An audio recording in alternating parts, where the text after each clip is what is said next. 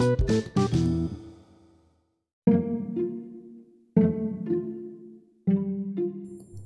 semuanya, ih udah lama banget nih nggak cerita-cerita di podcast. Kebetulan aku mau cerita nih, aku baru aja kepikiran tentang ketakutan-ketakutan yang kita rasakan selama kita hidup. Widih, karena mungkin setiap orang termasuk teman-teman yang dengerin ini juga punya ketakutan-ketakutan yang uh, pasti dirasakan di setiap harinya entah itu ketika beraktivitas, lagi bengong, lagi apa pun lah pokoknya pasti ada terlintas pikiran-pikiran ketakutan-ketakutan yang selalu kita rasakan di setiap harinya.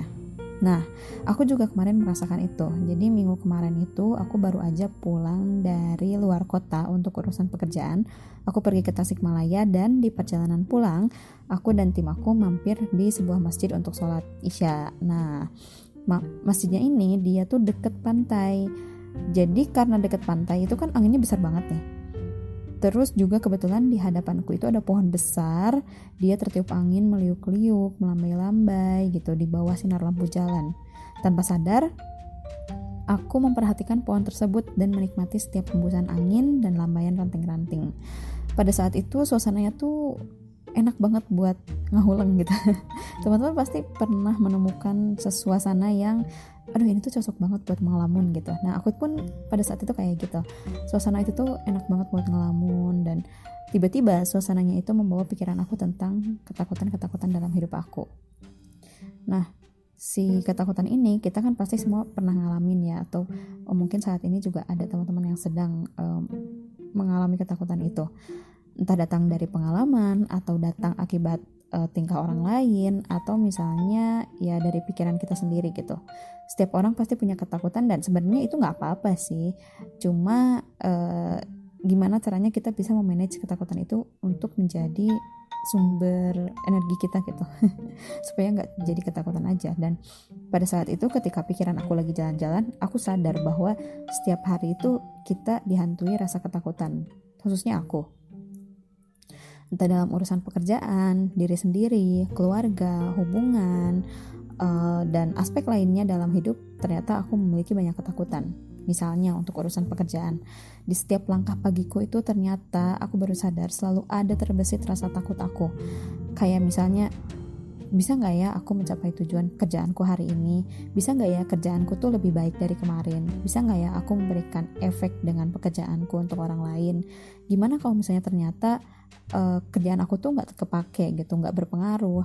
Gimana kalau misalnya ternyata perusahaanku atau tempat bekerjaku ini dapat karyawannya zong dengan merekrut aku dan banyak hal-hal lain yang aku pikirkan setiap langkahku ya mungkin bisa aja orang uh, bilang kayak itu harusnya bukan alasan lah lo kan bisa belajar buat improve diri bla bla bla bla uh, internet sekarang mudah dan lain sebagainya. Yep betul banget. Dan aku juga nggak tahu apakah yang aku pelajari ini memberikan value atau enggak atau apa yang aku pelajari ini benar atau enggak gitu. Karena kan tetap ya walaupun kita belajar gitu kita perlu uh, teman buat sharing perlu mentor untuk membimbing kita gitu.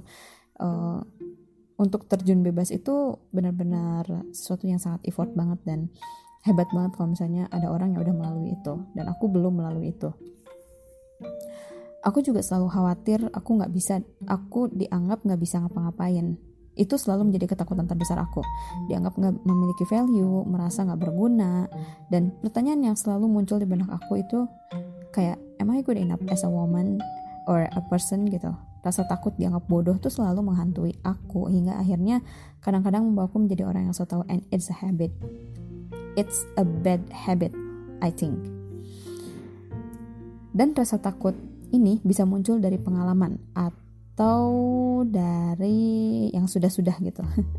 Dan bisa muncul kapan pun dia mau Kayak misalnya dalam hubungan entah pertemanan, perbucinan, keluarga, atau hubungan apa pun tuh selalu ada ketakutan yang muncul dalam benak aku.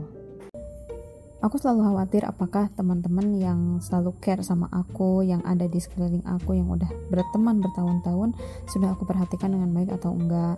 Apakah aku pernah menyakiti mereka atau enggak, atau berguna enggak ya aku tuh buat mereka gitu. Karena ya mereka tuh selalu care sama aku dan dan aku juga harus care sama mereka dong kayak gitu. Begitupun dalam perbucinan. Aku pernah uh, punya hal yang buruk tentang perbucinan ini. Pengalaman buruk tentang ditinggalkan itu menjadi bekas yang cukup dalam buat aku gitu. Walaupun mungkin orang mikirnya ah lebay banget sih. Ya udah sih move on aja gitu lupain aja. Tapi ya ternyata tidak semudah itu.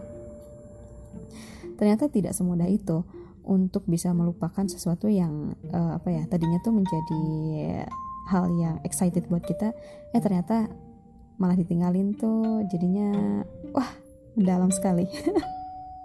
Dan ini membuatku berpikir seperti apa sikap yang harus aku keluarkan supaya orang tuh nggak ninggalin aku gitu. Hal-hal ini tuh jadi ber, membuatku berpikir jangan-jangan mereka ninggalin tuh ya memang karena akunya yang gak worth buat mereka gitu atau memang akunya yang salah gitu. Makanya setiap ada uh, di relationship apa pun itu aku selalu mikir apa yang harus aku lakukan supaya orang itu tetap berada di sekitar aku tetap berada di sisi aku? Treatment apa yang harus aku berikan? Gimana caranya aku bisa meraih seseorang di tengah masalahnya gitu? Sehingga uh, mereka tuh bisa membuat aku menjadi rumah mereka dan aku pun bisa membuat mereka jadi rumahku gitu. Kita saling mutualisme saling memberikan kenyamanan dan saling memberikan value gitu. Ketakutan hadirnya orang lain ketakutan aku akan aku yang tidak bernilai yang nggak berguna sering kali menghantui aku dan membuatku berpikir kayaknya aku nggak worth deh buat siapa pun gitu.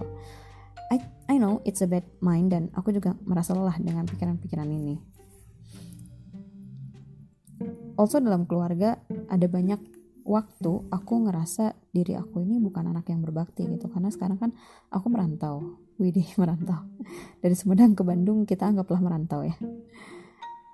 Jadi cukup jauh dari rumah dan aku merasa aku tuh bukan anak yang berbakti karena aku nggak bantu keluarga dalam hal apa pun gitu. Dan terkesan lepas tangan dalam hal apa pun. Menjadi tidak bernilai entah kenapa menjadi ketakutan terbesar aku. In every sektor. Di setiap hal tuh aku selalu takut menjadi tidak bernilai tidak berguna. Padahal mungkin aja orang tuh nggak mengharapkan apa pun dari aku. Mungkin ya bisa aja. Dan menghentikan pikiran ini sungguh-sungguh sulit teman-teman. Dan uh, aku juga pernah dengar dari podcastnya Raditya Dika gitu. Dia juga seseorang yang punya ketakutan-ketakutan akan masa depan gitu. Tapi hebatnya Raditya Dika ini bisa mengubah ketakutan itu menjadi uh, jalan atau bisa menjadi strategi dia untuk menata hidup dia gitu. Jadi lebih visioner gitu ke depannya. Dia mau melakukan apa supaya ketakutan yang dia pikirkan itu nggak terjadi. That's a good step. Uh, dan itu sebenarnya bisa jadi hal yang aku pelajarin untuk aku bisa uh, mengatasi ketakutan-ketakutan aku dan mungkin juga untuk teman-teman yang sedang mendengarkan ini itu juga bisa menjadi jalan untuk menghadapi ketakutan teman-teman. Cuma aku belum uh, menemukan gerbang mana yang harus aku tuju supaya aku bisa ke arah sana gitu. Aku masih mencari-cari meraba-raba jalan mana yang harus aku ambil, cara apa yang harus aku pakai gitu supaya ketakutan-ketakutan ini tidak terjadi. Dan aku juga pernah baca bahwa ketakutan ini bisa jadi modal kita untuk bisa menghilangkan hal-hal yang kita takuti. Dengan effort yang gak sedikit, tekad yang kuat dan konsisten, semua itu bisa aja dilakukan. Semoga semoga aku sedang pergi ke arah sana ya, semoga. Dan semoga teman-teman juga sedang pergi ke arah sana. Memikirkan langkah mana yang harus diambil terlebih dahulu, apa yang harus dilakukan, apa yang harus diselesaikan terlebih dahulu supaya uh, kita bisa terlahir kembali menjadi orang yang percaya diri, menjadi orang yang bervalue dan tidak takut menghadapi kenyataan. Aku tuh kadang suka bertanya-tanya gitu. Dulu kalau mengingat-ingat diri aku yang semasa kuliah, sekolah gitu, aku selalu berani menghadapi menghadapi apa pun, selalu berani mengambil resiko apa pun, selalu berani mencoba apa pun, selalu semangat dalam belajar apa pun.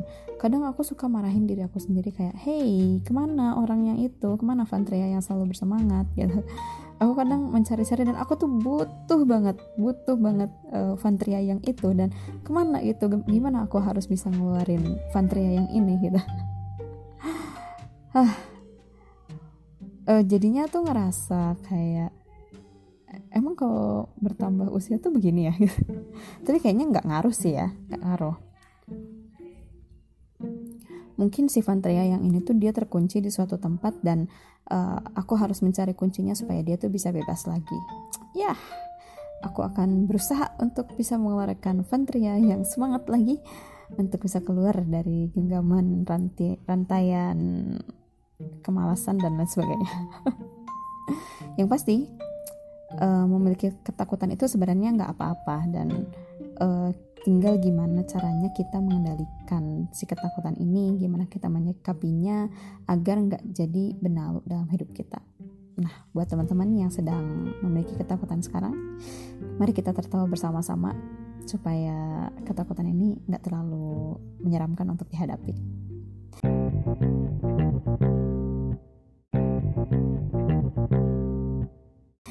Itu aja cerita dari aku hari ini.